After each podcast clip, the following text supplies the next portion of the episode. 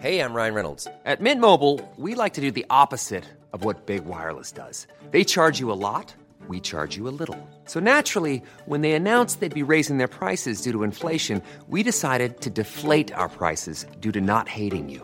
That's right. We're cutting the price of Mint Unlimited from $30 a month to just $15 a month. Give it a try at mintmobile.com slash switch. $45 upfront for three months plus taxes and fees. Promo rate for new customers for limited time. Unlimited more than 40 gigabytes per month. Slows. Full terms at mintmobile.com. Hiring for your small business? If you're not looking for professionals on LinkedIn, you're looking in the wrong place. That's like looking for your car keys in a fish tank. LinkedIn helps you hire professionals you can't find anywhere else, even those who aren't actively searching for a new job but might be open to the perfect role. In a given month, over 70% of LinkedIn users don't even visit other leading job sites. So start looking in the right place. With LinkedIn, you can hire professionals like a professional. Post your free job on linkedin.com slash people today.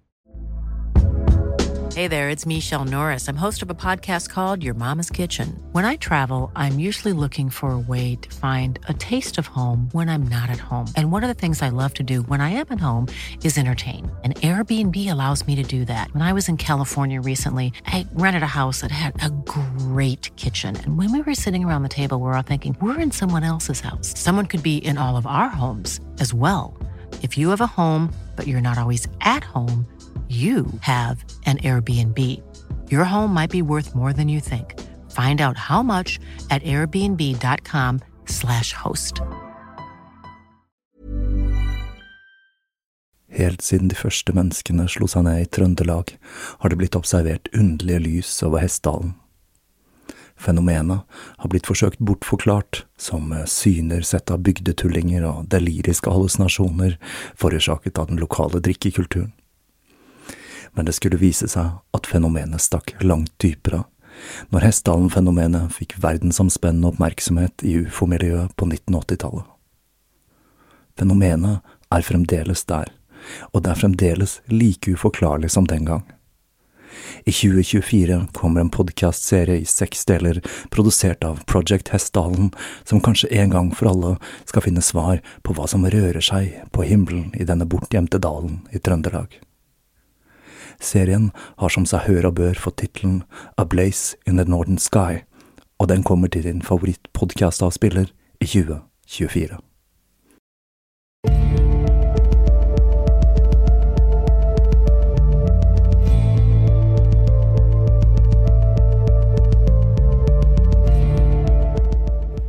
Hei og velkommen til Tåkeprat. Jeg heter Even, og når jeg tar opp denne episode 196, så er det den 18. august 2022. Nå er vi kommet til den andre delen i sagaen om Marilyn Monroe. Jeg sa i forrige episode at denne serien nok skiller seg litt ut fra en del andre tåkepratserier, men jo dypere jeg graver meg ned i historien til Marilyn, jo mer blir jeg usikker på om dette stemmer for denne fortellingen er ganske så mørk og spekket med mysterier. Det ser iallfall ut til at den første episoden ble tatt godt imot av dere lyttere. Jeg tror vi bare skal hive oss rett ut i dagens episode, men først så må jeg gi dere noen urelaterte visdomsord. Dessverre så kan jeg ikke dele så mye av det som skjer på arbeidsplassen min, siden jeg har taushetsplikt. Og det er litt synd, fordi jeg kunne sikkert hatt en helt egen podkast om alt dramaet som foregår der. Reality-TV kan bare gå og legge seg sammenlignet med hverdagen på en barneskole. Men her har dere et gullkorn jeg føler at jeg kan dele, uten å gå på akkord med taushetsplikten. På jobben her en dag satt jeg og hadde en lang, en faktisk veldig lang samtale med en seksåring, og da kom det noen skikkelig gode visdomsord jeg tenkte å dele med dere. Bare hør her. Noen sko er like, noen sko er helt like, noen sko er ikke like, og noen sko er like, men har forskjellig farge. Jeg er litt usikker på hva det betyr, men jeg syns det hørtes ganske så dypt ut, så der har dere den. Jeg føler at det der i det minste burde vært et broderi. Det hele smaker litt av George Orwell, syns nå jeg. Og med det gir jeg dere den andre delen i livshistorien til Marilyn Monroe.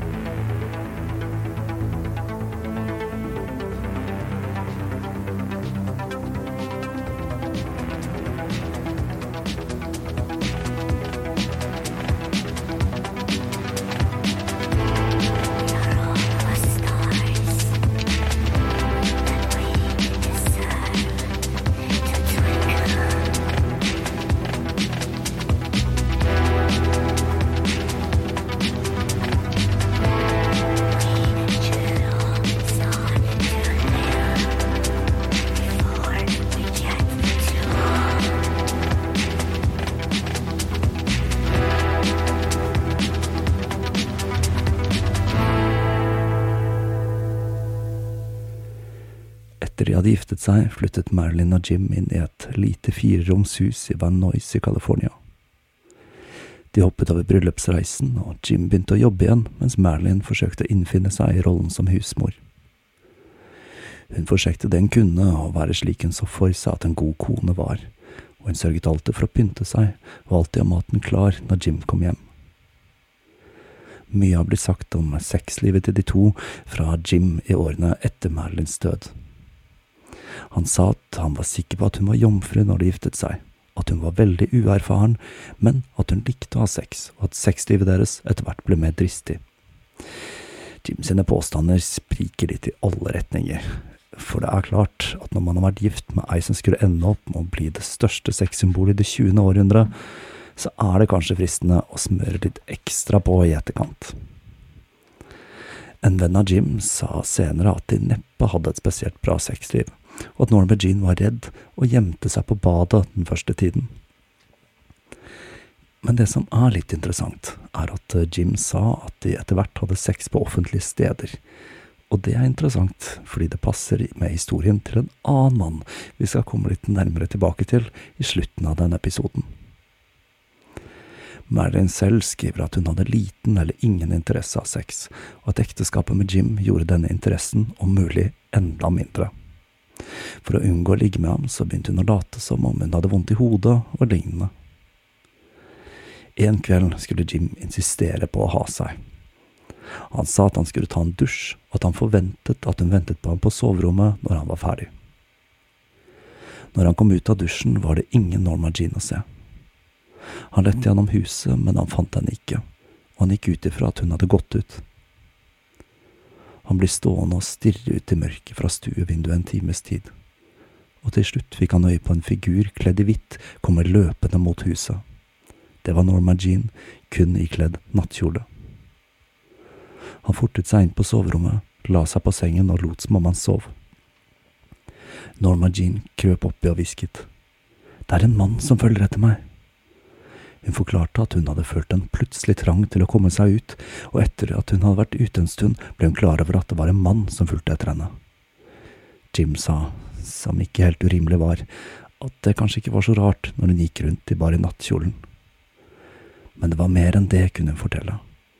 Mannen hadde plutselig sittet i et tre, og når hun løp fra treet, så hun ham plutselig i et mørkt hus, og så satt han plutselig i en bil og stirret på henne. Han var overalt hvor hun så. Nå begynte Jim å lure på om det hadde raknet helt for kona, men han sa seg villig til å gjennomsøke huset på jakt etter denne overnaturlige inntrengeren. Han gjorde et halvhjertet forsøk og forsikret henne etterpå om at det ikke var noen andre i huset.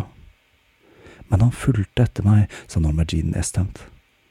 Denne historien om den magiske mannen høres ut som galskap, svarte Jim. Denne hendelsen burde fått alarmen til å gå hos Jim men de skulle aldri diskutere den igjen. Ekteskapet vaklet videre inn i 1943. Det gikk stort sett greit, men det var noen småting som plaget Jim. For eksempel så hadde Norma Jean begynt å kalle ham Daddy. Det var noe Jim ikke satte så veldig pris på, for han visste at Norma Jean ikke visste hvem faren hennes var, og at dette var et sårt punkt for henne. Og sammenblandingen mellom far og ektemann var en han fant en smule uspiselig og det var flere slike småting, som at hun truet med å ta livet av seg dersom ekteskapet skulle ryke. Og hverdagen til Jim, den var ganske så anspent. Når det gjaldt moren hennes, så var hun fremdeles sprø som en kjeks og satt på mentalsykehus. Grace hadde flyttet til Chicago i denne perioden, men når hun var på en snarvisitt til California, bestemte hun seg for å avlegge Gladys et besøk og da skulle hun få en nyhet som hun tenkte kanskje kunne løse noen av disse daddy-issuesene til Norma Jean. Gladys fortalte henne nemlig at det ikke var Edward Mortensen som var faren, men Charles Stanley Gifford, en mann hun hadde hatt en affære med før hun ble skilt fra Edward. Hun fortalte Grace at hun hadde fortalt Charles at det var hans barn hun hadde blitt gravid 17 år tidligere, men at han ikke trodde på henne. Vi kan jo bare spekulere i hvorfor Gladys valgte å dele dette mens hun satt på institusjon. Men det er jo ikke helt utenkelig at dette var et forsøk på å få til en slags familiegjenforening som kunne bli starten på et nytt liv og en mulighet for å slippe ut av institusjonen. Grace var usikker på om hun burde dele dette med Norma Jean, og hun snakket med Ethel, moren til Jim og Norma Jeans svigermor. Ethel sa at hun fortjente å høre sannheten, og da insisterte Grace på at nyheten burde komme fra henne, som tross alt var familie. Norma Jean tok nyheten med svært blandede følelser. Hun visste at hun måtte ta kontakt med Charles, og den 1. februar 1943 skrev hun et brev til Grace der hun skrev at hun gledet seg til å ta kontakt med faren. Via to tidligere kollegaer av Charles fikk hun tak i telefonnummeret. En kveld tok hun mot i seg, løftet av røret og slo nummeret. Jim og Ethel var i rommet og fulgte spent med. Noen svarte i den andre enden. Dette er Norma Jean, sa hun med skjelvende stemme. Jeg er datteren til Gladys Baker. Så falt røret ned i fanget hennes, og hun begynte å gråte. Han la på, hikstet hun. Norma Jean og Jim hadde bestemt seg for selv ikke å få barn med det første. I all hovedsak fordi Norma Jean var vettskremt ved tanken på å bli mor, og ikke minst fordi kvinnene i familien ikke akkurat hadde vært så enormt gode mødre. Våren 1943 fikk Jim en jobb i handelsflåten, og han ble stasjonert på Catalina Island sørvest for Los Angeles. De to fikk disponere en leilighet på øya, og med det ble et allerede vaklevorent ekteskap enda mer ustøtt. Norma Jean elsket nemlig å spankulere på stranda i ørsmå bikiner, og hun begynte også å drikke alkohol. Hun drakk med måte, men dette gjorde Jim skrekkelig sjalu, og han var redd for at hun skulle være utro. Senere fortalte hun at Jim ikke hadde trengt å bekymre seg, for hun var trofast, ikke på grunn av kjærlighet for mannen, men rett og slett fordi hun ikke var interessert i sex. Et år senere ble Jim stasjonert i Stillehavet, og Norma Jean flyttet inn med foreldrene hans og fikk seg sin første jobb. Det var for et firma som het Radioplane, og som lagde droner, vil si radiostyrte fly som ble brukt til øvelser i Luftforsvaret. Jobben hennes besto av å lakke flydeler, og det var lange og tunge dager. Det var i denne perioden Norma Jean begynte å få et rykte som en som alltid var for sein. Et rykte som fulgte Marilyn Monroe helt fram til hennes død. For Norma Jean var nemlig alltid for sein på jobb. Men til tross for at hun var konstant for sein, så var hun populær på arbeidsplassen, og hun var kjent for å være en svært empatisk og god lytter. Uten Jim begynte hun å føle seg ensom, og nå som hun tjente egne penger, bestemte hun seg for å ta en liten ferietur. Hun tenkte at hun skulle dra og møte halvsøsteren Bernice, som hun aldri hadde truffet før. Hun var 25 og bodde i Detroit, og deretter tenkte hun å ta en snartur til Grace i Chicago. Når toget kom inn på stasjonen i Detroit, sto Bernice og mannen Paris sammen med datteren Mona Ray og Paris' søster Niobe og ventet spent. De lurte på om de ville dra kjensel på halvsøsteren kun fra beskrivelsen av klærne hun hadde på, men de hadde ikke trengt å bekymre seg for det. Bernice beskriver hvordan de plutselig så en høy, ekstremt vakker kvinne som var umulig å overse. Hun strålte midt i mengden av ordinære mennesker. Besøket skulle vise seg å bli et godt et, men det tok plutselig slutt når Norma Jean fikk vite at mannen kom hjem på uanmeldt besøk. Hun takket for seg og dro på en kort tur til Chicago for å hilse på Grace og Doc. Det er kanskje verdt å merke seg at Norma Jean sendte penger til de to i denne perioden, da de hadde finansielle problemer. Til tross for at jobben hennes hos Radio Plane ikke var den best betalte, og til tross for at Grace og Doc ikke ville ha henne med når de flyttet til Chicago. Mot eh, slutten av 1944 skulle livet til Norma Jean ta en vending som skulle bli begynnelsen på veien til stjernene. Hun og noen av kollegaene ble spurt om å posere for noen bilder som skulle publiseres i magasinet Yank.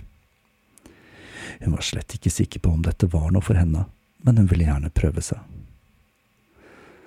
Det skulle vise seg at selv om hun først var spent, så var hun overhodet ikke nervøs da fotograferingen begynte.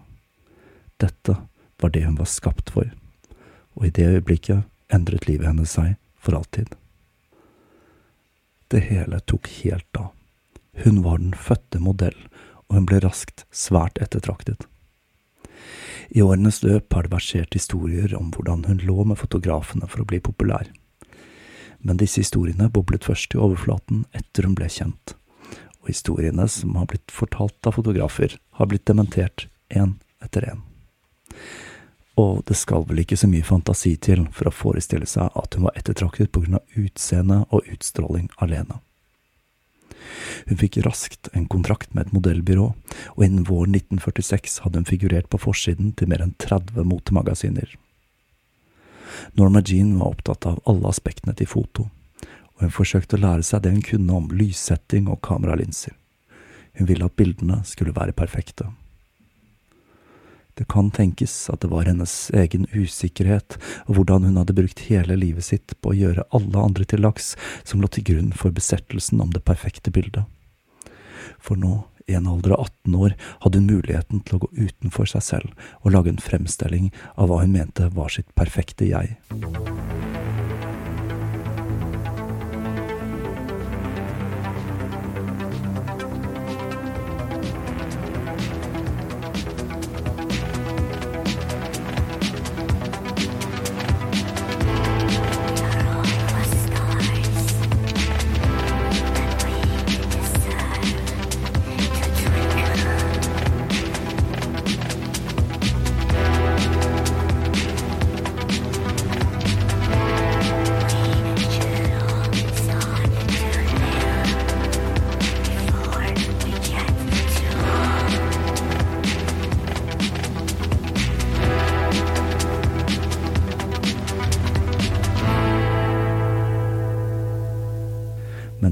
Mens hennes tok av med rakettfart, var Jimmy Stillehavet, og han var ikke superfornøyd med den nye karrieren til kona.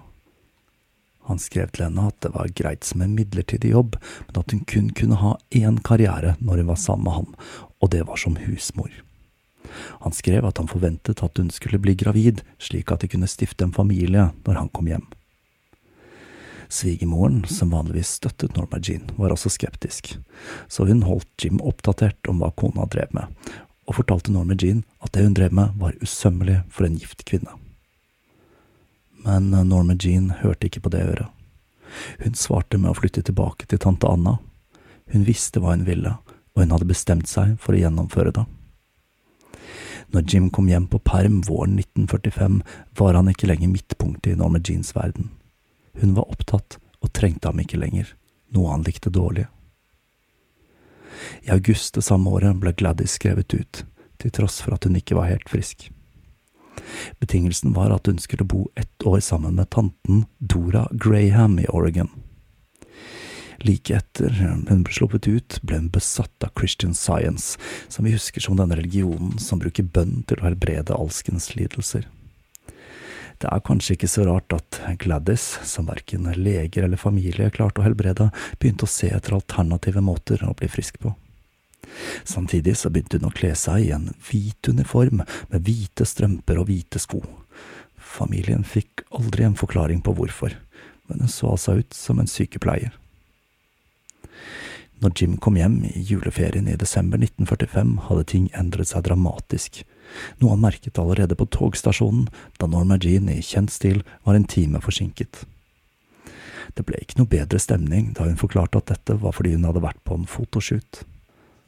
Norma Jean håpet innerst inne at Jim etter hvert ville forstå karrierevalget hennes, og hun viste ham en serie med foto tatt av den anerkjente fotografen André de Dientes i håp om at han ville like dem.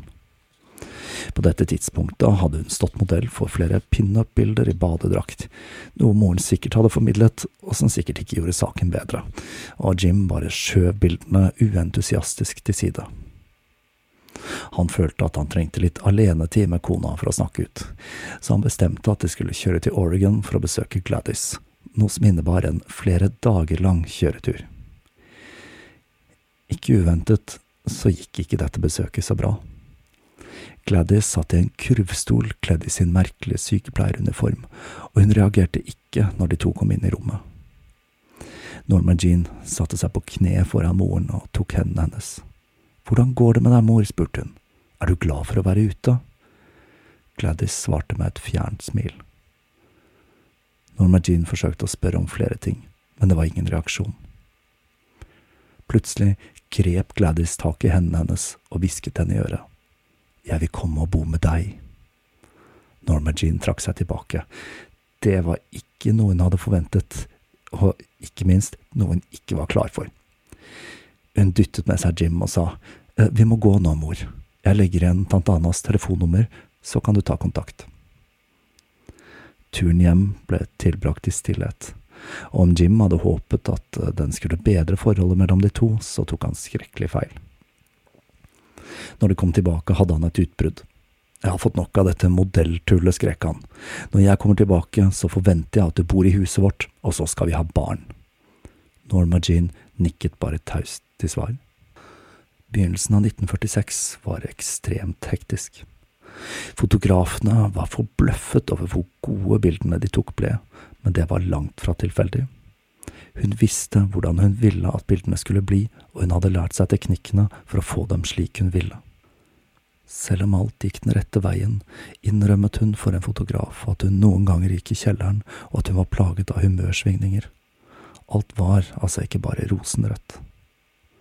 Det er én kommentar hun kom med i denne perioden som er spesielt urovekkende når man vet hvordan det hele endte. Hun sa, Ja, det var noe spesielt med meg, og jeg vet hva det var. Jeg var den typen jente man fant død på soverommet med et tomt pilleglass i hånda. Men ting var ikke helt svart. Ikke enda. Når man er ung og frisk, kan man planlegge selvmord på mandag, for så å le av det hele på tirsdag. I februar 1946 skulle Norma Jean endre på enda en ting som skulle få store konsekvenser for karrieren hennes. Det var agenten hennes som foreslo det. I forbindelse med en sjamporeklame rettet og bleket hun det kastanjebrune håret sitt gyldenblondt, og med det begynte hun å ligne mer på den Marilyn Monroe vi kjenner, enn Norma Jean. Når Jim kom hjem i april, var ikke Norma Jean på kaia for å møte han, og han dro rett opp til huset deres i Van Nuys.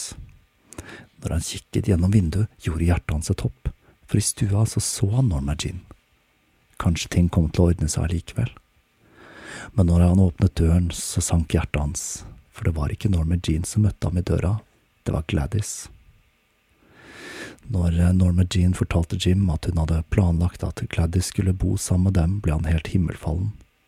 Hvor skulle hun få plass, spurte han. Han begynte å se seg rundt i huset og det ble snart klart at de to ikke bodde der. Norma Jean tok han med seg ut for å forklare.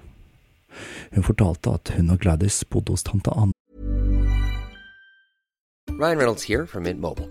With the price of just about everything going up during inflation, we thought we'd bring our prices down.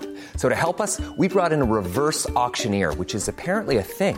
Mint Mobile unlimited premium wireless. Ready to get 30, 30, bit to get 30, bit to get 20, 20, 20, bit to get 20, 20, bit to get 15, 15, 15, 15 just 15 bucks a month. So, Give it a try at mintmobile.com slash switch. $45 upfront for three months plus taxes and fees. Promo rate for new customers for limited time. Unlimited more than 40 gigabytes per month. Slows. Full terms at mintmobile.com. Hiring for your small business? If you're not looking for professionals on LinkedIn, you're looking in the wrong place. That's like looking for your car keys in a fish tank.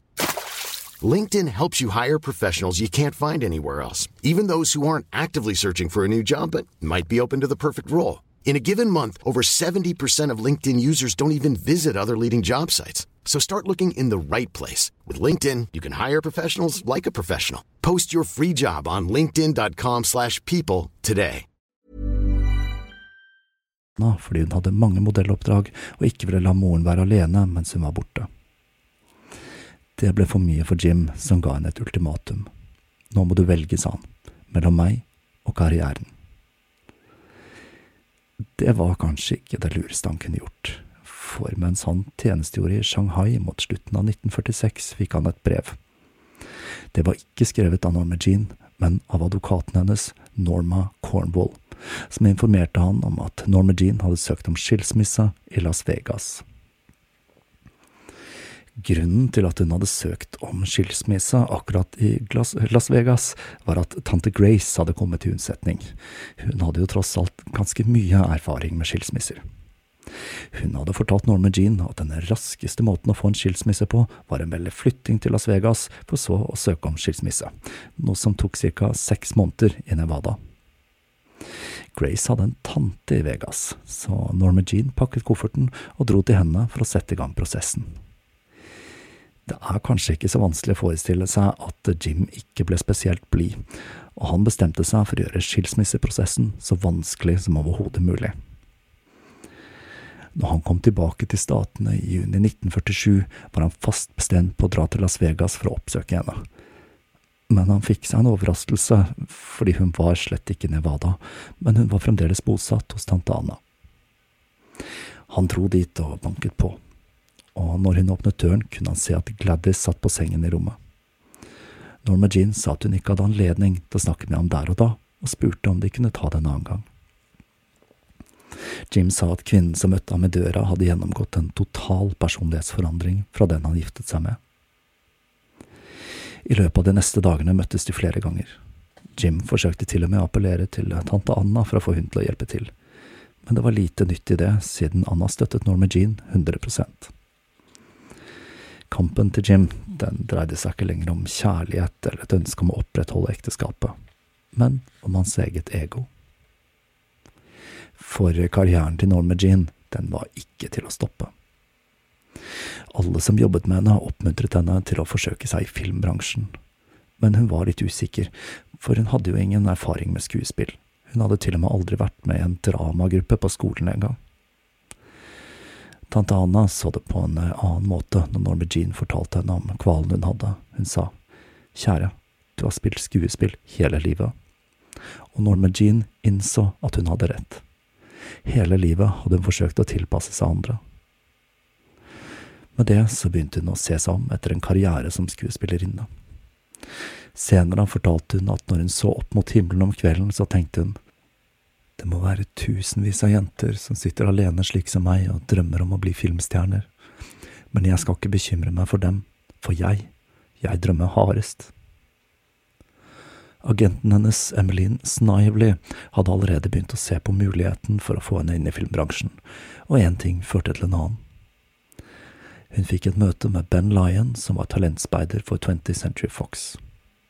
Norma Jean var naturlig nok veldig nervøs men den 17. juli 1946 dro hun på audition, hvor hun gjorde en manuslesning. Dette må ha vært en ganske bra prøve, for like etter prøvefilmet hun en stumfilmscene der hun iført en gulvlang kjole gjorde et par enkle manøvre som å gå fram og tilbake, sitte på en stol og se ut av et vindu. Igjen skjedde noe magisk, på samme måte som første gang hun ble fotografert. Nervøsiteten rant av henne, og hun ble forvandlet til en annen, selvsikker kvinne som oste skjønnhet, og ikke minst av sex. Det hele var så spektakulært at hun fikk gjøre en prøvefilming i farger like etter. Sjefen ved Fox, Daryl Sannock, var ikke imponert, men han mente at hun hadde potensial, og ga henne en seks måneders kontrakt der hun skulle få 75 dollar i uken, med mulighet for en seks måneders forlengelse med dobbel lønn. Norma Jean hadde akkurat fylt 20, noe som var ett år for ung til å undertegne en kontrakt i California, i motsetning til gifting, som han altså kun måtte være 16 for å gjøre. Så det var tante Grace som undertegnet kontrakten sammen med henne. Like før kontrakten trådte i kraft, ble hun kalt inn til kontoret til Ben Lyon. Han fortalte henne at det var én ting som var problematisk, og det var navnet hennes, Norma Jean Dorothy. Norma Jean hadde ikke noe problem med å bytte ut etternavnet hun hadde fått fra Jim, siden de to var i ferd med å skilles. Men hun sleit litt da Lion foreslo Marilyn som hennes nye fornavn, etter Broadway-skuespillerinnen Marilyn Miller som en av Lions favoritter. Hun var altså litt skeptisk, men Lion var så entusiastisk at hun ikke klarte å si nei. Hun tok også etternavnet til morens familie, og med det ble Marilyn Monroe født. Og med det sier vi farvel til Norma Jean, og vi tar fatt på Marilyn sin historie her i Tåkeprat. Sommeren 1946 bestemte halvsøster Bernice Baker seg for å besøke moren hun ikke husket noen ting av. Marilyn var ikke så sikker på om dette var så lurt. Hun visste at moren langt fra var frisk, og at hun virket ute av stand til å uttrykke morsfølelse eller kjærlighet. Hun fortalte derfor Bernice at det nok var best at hun beholdt det bildet hun hadde av moren i hodet, framfor å møte henne i virkeligheten. Men hun lot seg ikke stoppe, og hun bestemte seg for å komme på besøk til tante Ana i hele tre måneder sammen med datteren Mona Ray. Allerede på flyplassen, hvor Marilyn hadde fått med seg både Ana og Grace som moralsk støtte, var det åpenbart at dette ikke kom til å bli det hjertevarme gjensynet Bernice hadde håpet på. Når hun omfavnet moren, sto Gladys der, stiv som en robot. Ukene gikk, og Bernice ble mer og mer bekymret over hvor heftig Gladys kritiserte Marilyn og karrieren hennes. Og en dag konfronterte hun moren, og sa at hun burde være mer støttende. Denne konfrontasjonen fikk ikke helt det utfallet hun hadde håpet på, for like etter ringte agenten til Merlin henne og fortalte at moren hadde marsjert inn på kontoret hennes i sin vanlige sykepleieruniform, og hadde fortalt at hun syntes det var feil av henne å ødelegge livet til unge jenter ved å oppfordre til fotografering. Det hele endte med at Merlin konfronterte moren og forlangte at hun aldri skulle blande seg i karrieren hennes igjen. Så kom moren med det klassiske svaret vi kjenner igjen fra fascistene i Italia og tiåringer i Norge. Hun sa hvem bryr seg, gikk opp på rommet sitt og smalt igjen døra. Mene frego der, altså, for de av dere som har den tåkepratskjorta som finnes i meget, meget begrenset opplag der ute. Da hun bodde på institusjon, hadde Gladys blitt vant til en veldig ordnet hverdag, og med Bernice boende i huset ble det vanskelig å opprettholde de faste rutinene, noe som nok var med på å gjøre bosituasjonen enda mer ustabil enn vanlig for alle i husholdningen. Den 13. september 1946 stilte Marilyn foran en dommer i Las Vegas for å få gjennomført skilsmissen som Jim til slutt hadde valgt å ikke motsette seg. Marilyn hadde sagt at han hadde utsatt henne for mental lidelse som påvirket helsen hennes negativt. Under høringen stilte advokaten et par spørsmål, og på spørsmålet om hun hadde tenkt å bosette seg permanent i Las Vegas, svarte hun ja. Hun fikk innvilget skilsmissen, og fem minutter senere dro hun til flyplassen og satte seg på første fly til LA.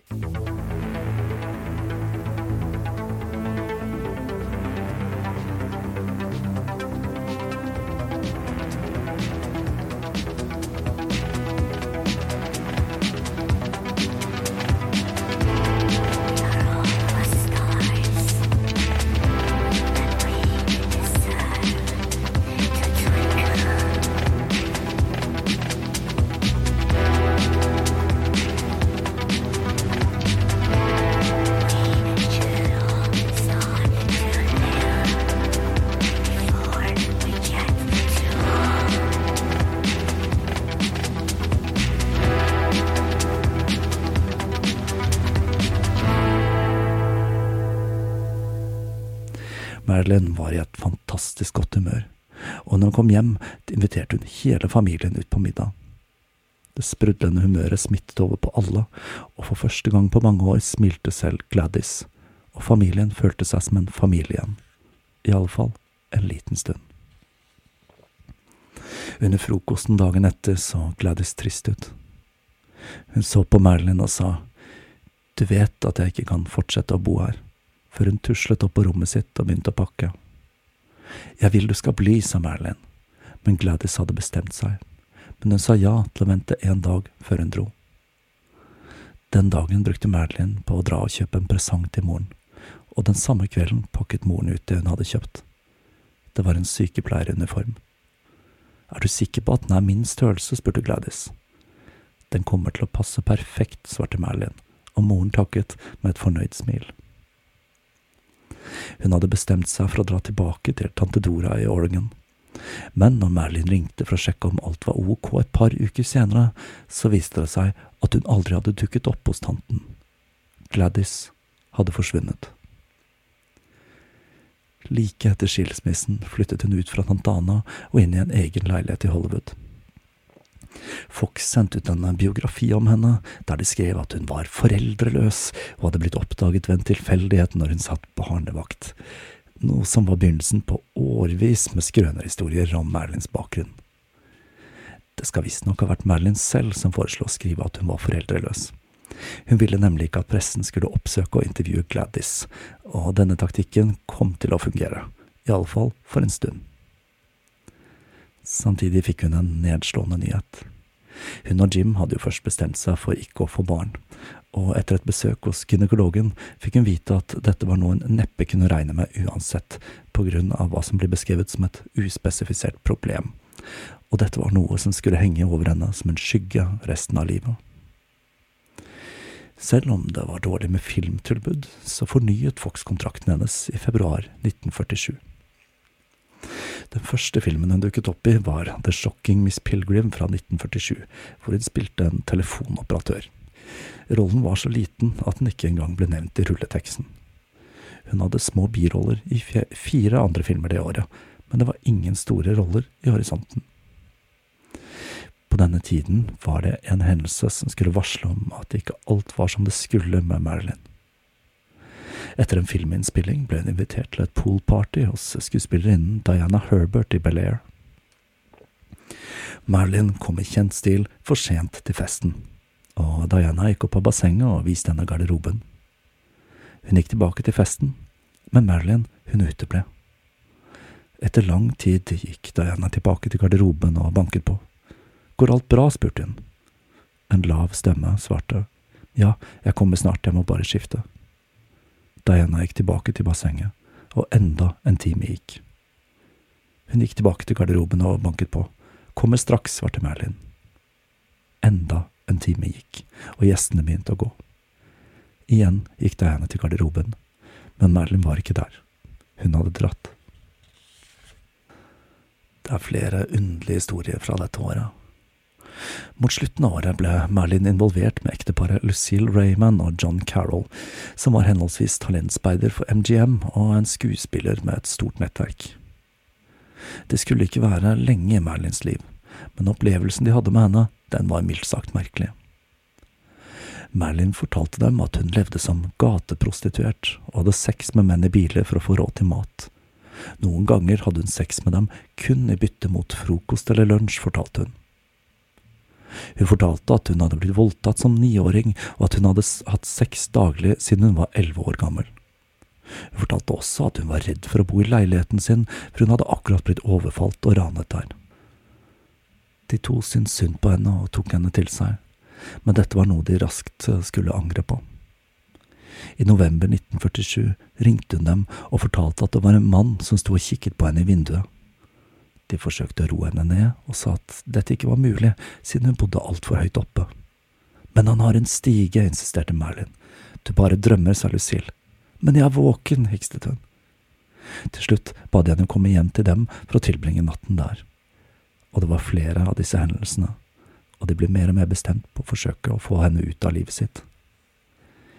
Det skulle heldigvis løse seg raskt. I februar 1948 tok de henne med til en fest hvor de møtte businessmannen Pat DiCicco, som var en venn av Joe Schenk, presidenten i Fox. Joe hadde spurt Pat om han kunne skaffe til veie noen modeller som kunne pynte opp pokerkvelden han skulle ha den lørdagen, og DiCicco spurte Marilyn om hun var interessert. Alt hun trengte å gjøre, fortalte han, var å se pen ut, tenne noen sigarer og skjenke drinker. Merlin takket ja, men når hun kom på festen, ble det klart at damene som var til stede, var villige til å gjøre langt mer enn å skjenke drinker for å komme på godfot med de innflytelsesrike herremennene som var der. Men Merlin holdt seg til skjenk, og han falt pladask for henne. Den neste dagen ble hun hentet i en limousin og kjørt hjem til ham, hvor de spiste middag og hadde sex. Marilyn sa senere at hun ikke likte det, men at hun følte at hun ikke hadde noe valg. Hun hadde lært hva som drev Hollywood, sa hun, og for å komme til topps måtte man spille spillet slik det var, selv om hun følte at hun ble litt ødelagt innvendig. De to innledet et forhold som skulle gå litt av og på, og Schenk overtalte sjefen for Colombia til å se på prøvefilmingene hennes.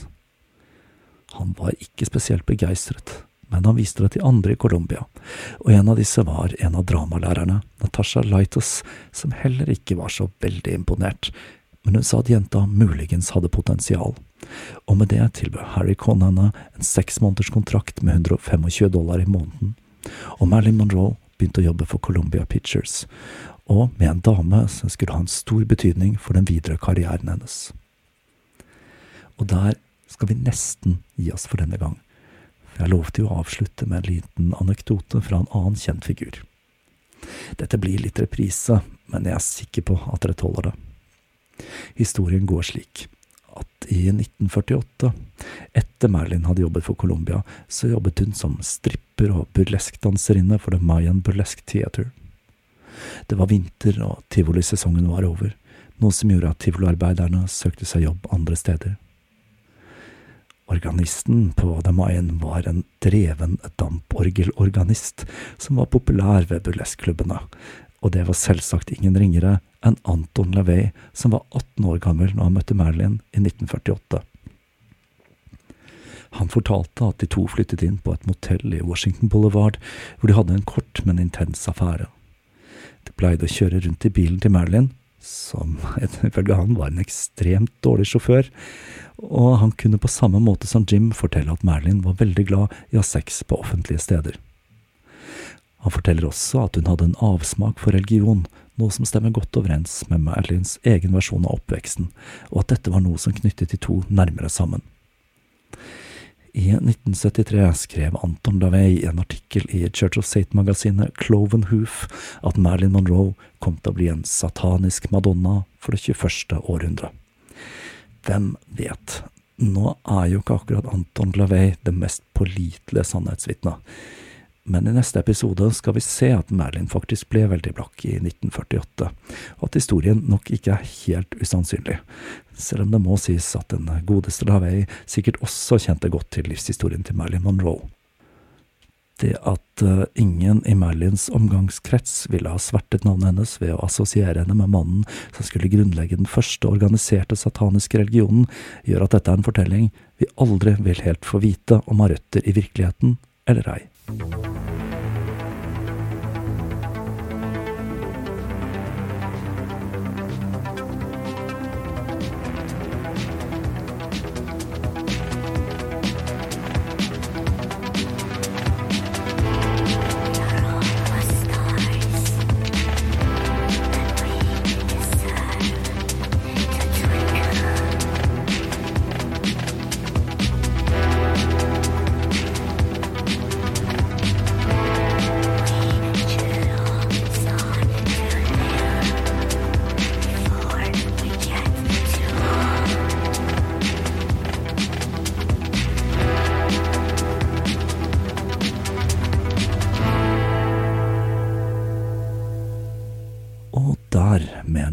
Satanisk vri forlater vi Merlin for denne gang. Jeg vil vel tippe at dette er den første podkastserien som har tatt med den vinklingen i historien, sann eller ei. Det vi har sett i denne episoden, er at Merlin, i tillegg til å ha åpenbart tunge psykiske problemer, hadde for vane å bruke fantasien sin til å dikte historier om det talte til hennes fordel, enten det dreide seg om å være gateprostituert eller å være foreldreløs. Vi har allerede sett Hollywood slå til. Byen er jo beryktet for å ha et maskineri der man kan ligge seg til topps, for det startet ikke akkurat med metoo, det her. Det som slår meg med Marilyn, er at det er flere ting som tyder på at det ikke var det hun primært gjorde for å slå seg opp og fram, selv om det helt sikkert ikke skadet å ligge med Joe Schenk. Anton LaVey bekrefter faktisk dette med Marilyn i sin lille anekdote, hvor han forteller at det verserte historier der hun skulle ha sagt jeg håper at det var den siste pikken jeg trengte å suge, og lignende. Han på sin side sa at han aldri hadde hørt henne si slike ting, noe jeg føler gir historien hans litt mer kredibilitet. Sett fra en annen side så høres måten det fremstilles på i The Secret Life of a Satanist litt i overkant mye ut som en fetisjfantasi, men det gjør egentlig hele den boka. Hvem vet, altså, men én ting er sikkert, Marilyn Monroe var langt fra den endimensjonale karakteren det er lett å forestille seg at hun var, og historien hennes er langt mer komplisert enn den kan virke ved første øyekast. Og med det er tiden inne for meg til igjen å gyve løs på en ny episode. Siden forrige del i denne serien virker det som om tåkeprat har fått seg en liten oppsving, og jeg har på følelsen at det har vært noe omtale et sted på verdensveven jeg ikke har fått med meg jeg setter veldig pris på om noen tagger meg, enten på Facebook eller Instagram, som er at evenleven, om dere kommer over noe positiv omtale av tåkeprat. Eller kanskje det er så enkelt at folk begynner å bli lei av podcaster som er knyttet opp mot sære plattformer. Hvem vet? Jeg setter uansett pris på tagging og spredning av tåkeprat. Det er slik uavhengige podcaster vokser. Som vanlig vil jeg takke alle som støtter Tåkeprat på Patrion, alle som har donert, og alle som har handlet i nettbutikken. Jeg håper på å få produsert noe ny merch i løpet av høsten, så er det noen som har noen forslag til produkter dere gjerne vil se der, så er det bare å sende meg en melding. Vi høres igjen om ikke lenge.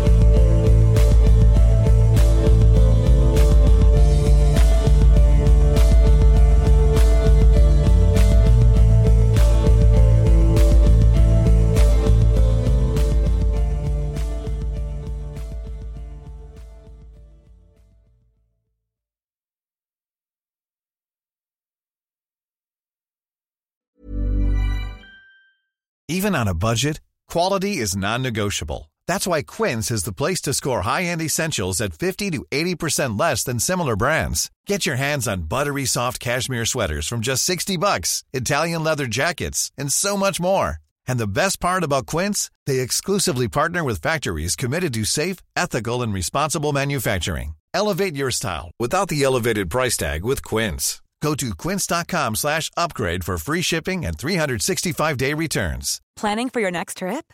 Elevate your travel style with Quince. Quince has all the jet setting essentials you'll want for your next getaway, like European linen, premium luggage options, buttery soft Italian leather bags, and so much more. And is all priced at 50 to 80% less than similar brands. Plus, Quince only works with factories that use safe and ethical manufacturing practices. Pack your bags with high-quality essentials you'll be wearing for vacations to come with Quince. Go to quince.com slash pack for free shipping and 365-day returns.